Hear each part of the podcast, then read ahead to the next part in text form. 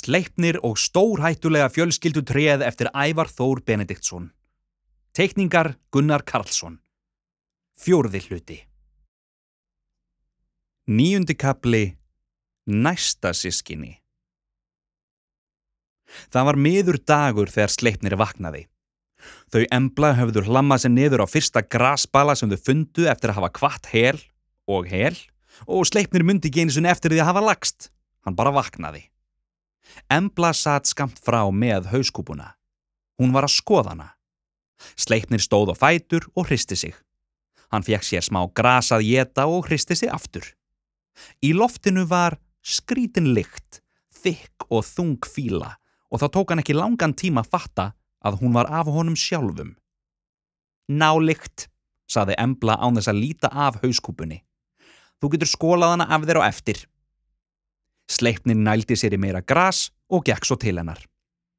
Embla stóð á fætur og brosti.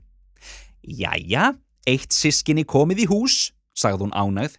Eigum við ekki heimsækja það næsta? Sleipnir var ekki viss. Flott. Þau lögðu aftur af stað. Veðrið var gott og Sleipni síndist á öllu að þau væru ekki að stefna inn í helli eða í myrkur þar sem eitthvað hræðilegt beð þeirra þannig að þetta gat nú varla verið svo slæmt.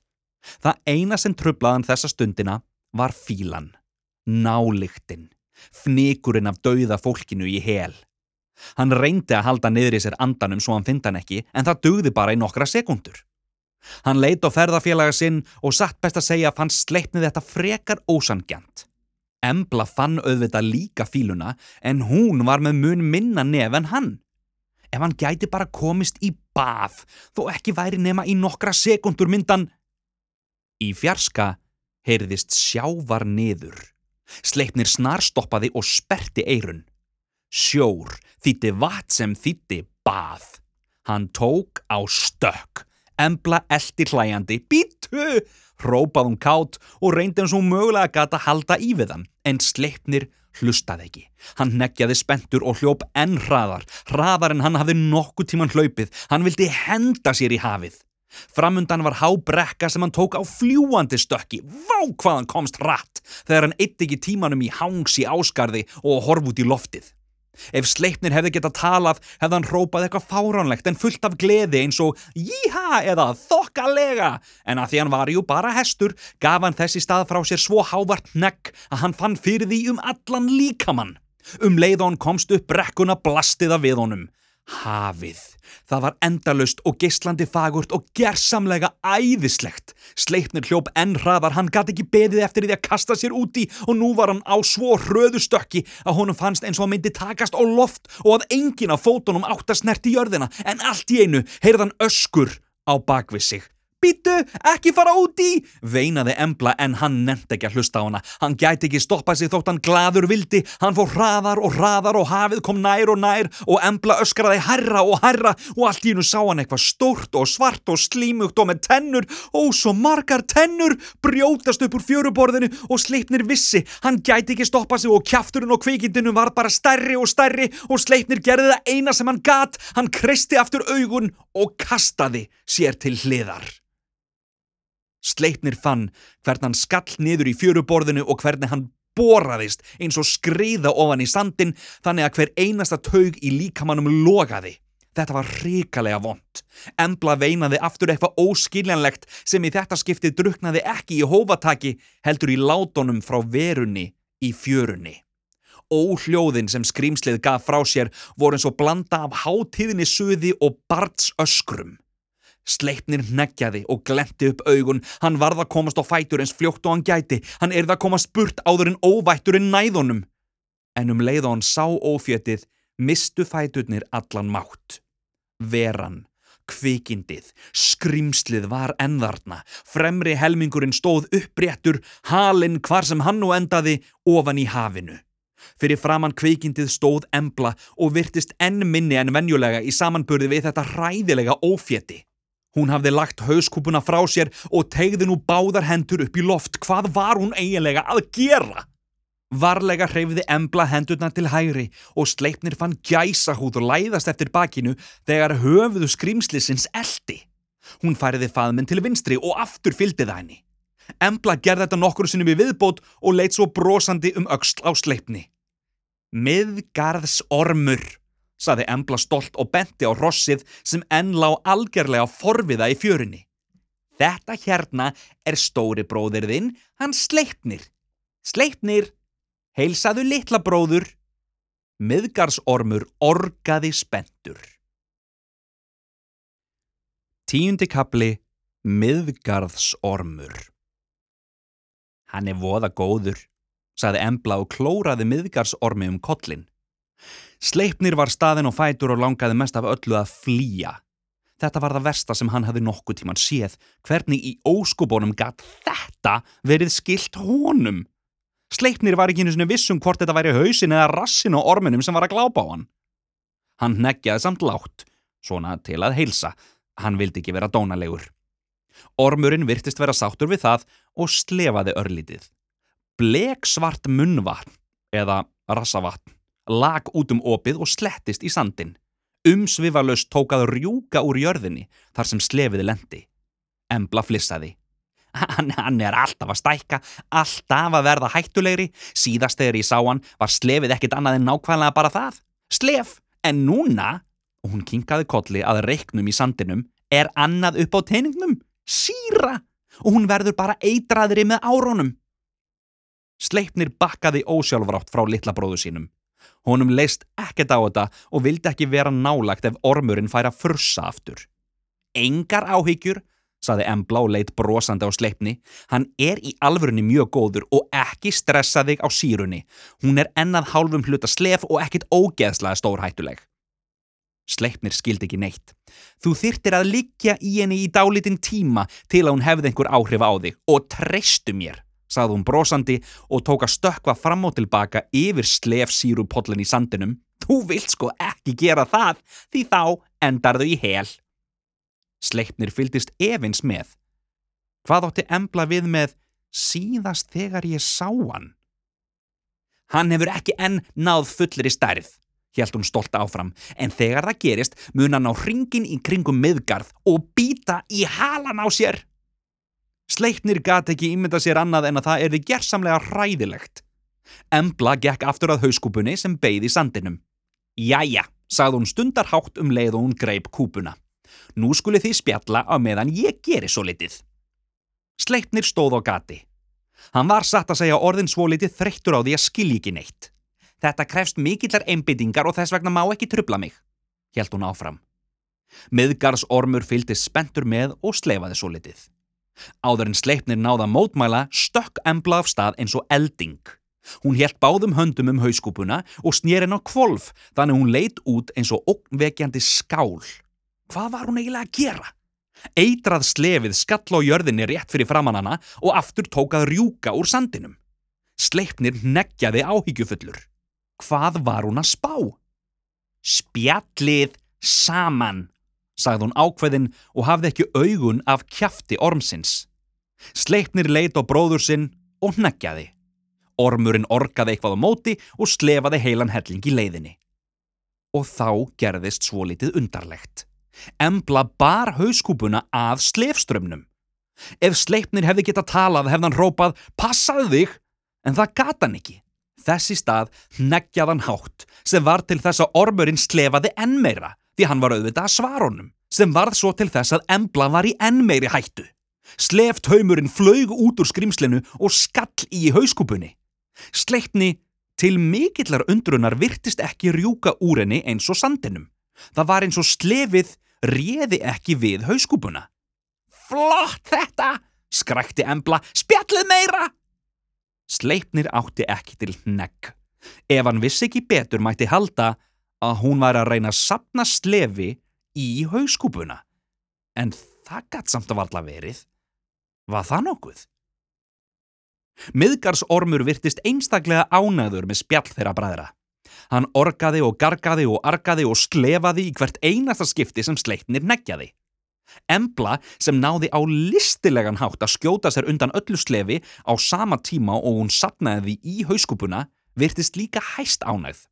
Loks var slefið farið að flæða út um augnttóttirnar. Kollurinn er fullur, sagði hún ánægð. Við þurfum ekki meira. og hún bakkaði varlega frá orminum. Sleipnir gerði slíkt þið sama. Ormurinn hætti að orga, virtuðu bæði fyrir sér og sleifaði svo smá. Því það var auðvitað svo langt síðan hann sleifaði síðast. Takk fyrir þetta, saði Embla sátt. Þú mátt fara núna. Bætt hún ákveðin við og leita á miðgarsorm. Eitt augnablík var eins og kvikindið væri að hugsa málið. Myndan ákveða hann væri orðin svangur og, og getaðu bæði. Sleipnir var á báðum áttum og satt best að segja vissan ekki enn hvort þetta væri rassin eða munnurinn sem hann var að spjalla við.